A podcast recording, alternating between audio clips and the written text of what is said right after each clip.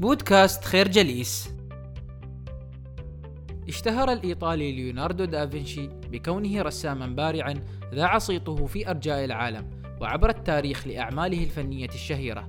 بالإضافة إلى ذلك كان دافنشي يمتلك العديد من المواهب الأخرى حيث إلى جانب كونه رساما بارعا وعبقريا كان دافنشي نحاتا بارعا ومهندسا وعالما مختص في تشريح جسم الإنسان.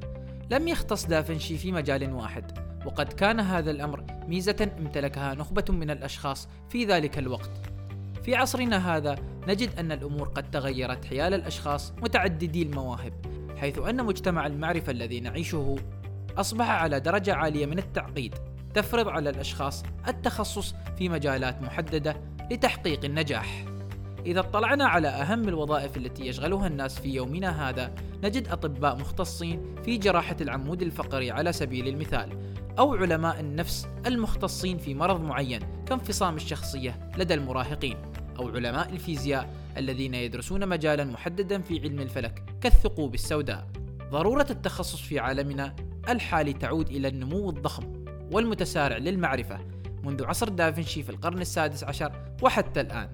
مع الكم المتزايد من المعرفة والعلم الذي اكتشفه الإنسان أصبح ذوي الخبرة في مجالات معينة أكثر من أهمية الأشخاص متعددي المواهب فمجالات معقدة كجراحة الأعصاب والعمود الفقري تتطلب سنوات من الدراسة والتدريب المتخصص لكي يكتسب الطبيب الخبرة اللازمة لممارستها لذلك فالشخص الذي ينخرط في مجال كهذا يتحتم عليه أن يكرس حياته لاكتساب الخبرة اللازمة لممارسة هذه المهنة دون تشتيت انتباهه أو وقته في ممارسة وصقل مواهب أخرى.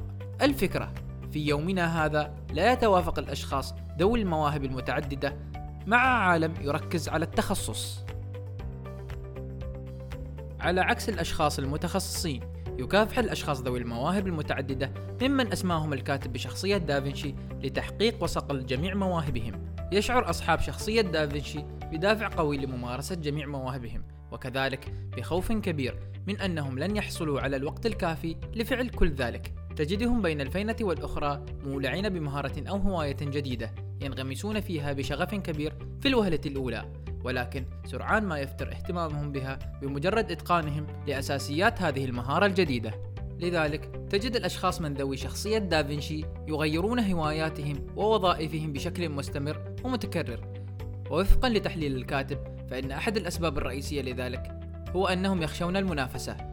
على الرغم من أن المنافسة تعد من أقوى العوامل المحفزة لكثير من الناس فإن أصحاب شخصية دافنشي يخالفون هذه النظرة العامة. على سبيل المثال إذا جرب أصحاب شخصية دافنشي ممارسة كرة المضرب فإنهم سيتدربون بجد حتى يصلوا لقناعة بأنهم قد أتقنوا ممارسة اللعبة وأن باستطاعتهم التفوق على أفضل اللاعبين المحترفين. إذا استمروا في التدريب واللعب ولكن في المقابل فإنهم لا يجازفون بمواجهة أي لاعب يفوقهم مهارة في ممارسة اللعبة لكي يحافظوا على قناعتهم وتقديرهم لموهبتهم الشخصية. إن هذا الشعور كذلك مرتبط بخوف شخصيات دافنشي من النقد. فعندما يزداد الأمر صعوبة تجدهم يتركون الهواية أو الوظيفة وينتقلون إلى أخرى بدلا من الانتقال إلى مستوى أعلى في نفس المجال. إن عدم قدرتهم على تكريس أنفسهم لمجال معين يجعلهم أصحابا لفهم سطحي للعديد من المهارات دون أي فهم عميق لأية مجال من هذه المجالات. بعد سنوات عديدة من التنقل من مجال إلى آخر غالبا ما يشعر أصحاب شخصية دافنشي بأنهم قد أضاعوا قدرا كبيرا من الوقت دون أن يصلوا إلى ماهية مهنتهم الحقيقية. الفكرة يخشى أصحاب شخصية دافنشي المنافسة. ويعانون عند محاولة تحديد المجال الذي بإمكانهم التخصص فيه. على الرغم من أن الكاتب قد أسمى هذه الظاهرة بلعنة دافنشي فإن هناك حلا اقترحه الكاتب لأصحاب شخصية دافنشي. يمكن ذلك في العثور على نشاط واحد ومعقد بحيث يحوي العديد من المواهب في مجال واحد. يتمتع الأشخاص من ذوي شخصية دافنشي بشخصيات معقدة لا يمكن إرضاؤها. إلا بنشاطات معقدة تجمع مجموعة متنوعة من مهاراتهم بحيث لا تجعلهم يشعرون بأنهم قد هجروا مهارة من مهاراتهم العديدة. المؤلف على سبيل المثال يصف نفسه بأنه من أصحاب شخصية دافنشي وأنه يميل لتجربة كل شيء يمكن تخيله. خلال حياته العملية لدى شركة اي بي ام وفيها تعلم كيفية البرمجة إلى جانب ممارسته لعدد كبير من الهوايات آنذاك. ومع ذلك لم يتمكن ابدا من التركيز على التعمق في معرفة مجال واحد خاص به. في أحد الأيام قرر أن يكرس نفسه لتصنيع آلات الجيتار الإلكترونية وهكذا تمكن من التخلص من لعنة دافنشي الخاصة به. كان تصنيع الآلات الموسيقية نشاطا معقدا بما فيه الكفاية بحيث جمع العديد من مواهب الكاتب واهتماماته. لقد استفاد من معرفته التي اكتسبها في عدة مجالات كهندسة الصوت والفيزياء والهندسة الكهربائية والتصميم. الفكرة للتخلص من لعنة دافنشي يجب على أصحاب هذه الشخصية إيجاد نشاط معين يتضمن العديد من مواهبهم. للتغلب على لعنة دافنشي والتعرف على النشاطات التي ترضي رغباتنا يقترح المؤلف نهجا يساعدنا على ذلك. يبدأ بالاختيار الصحيح للنشاطات التي نود ممارستها.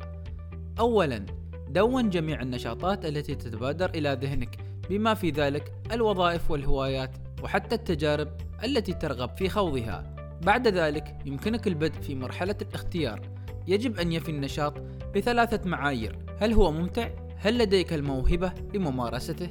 وهل يمكنك كسب المال من ممارسته؟ بعد تصنيف النشاطات التي ترغب في ممارستها بين فئات الموهبة والمال والمرح، يجب عليك طرح سؤالين حاسمين لاختصار قائمة النشاطات الخاصة بك. أولاً، ما مقدار الدخل المحتمل الذي ينطوي عليه كل نشاط؟ ثانياً، ما مدى الرضا الذي قد يتحقق لك من ممارسة هذا النشاط؟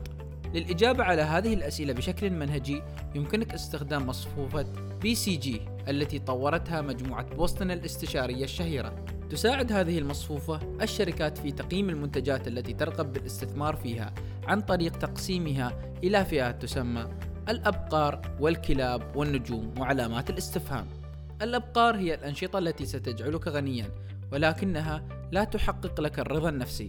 الكلاب هي الأنشطة التي لا توفر لك ربحا ماديا أو رضا نفسيا.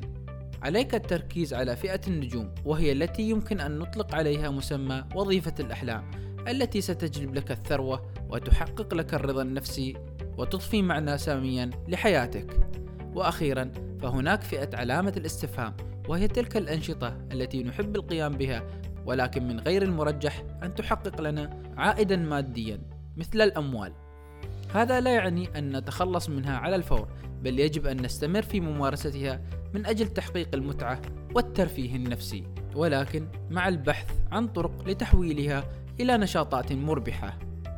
الفكرة يبدأ العثور على النشاط الصحيح بإنشاء قائمة رغبات واتباع تقييم منهجي لتحديد النشاط الأفضل الذي يحقق رغباتنا ويوفر الدخل المادي. نشكركم على حسن استماعكم. تابعونا على مواقع التواصل الاجتماعي لخير جليس كما يسرنا الاستماع لآرائكم واقتراحاتكم ونسعد باشتراككم في البودكاست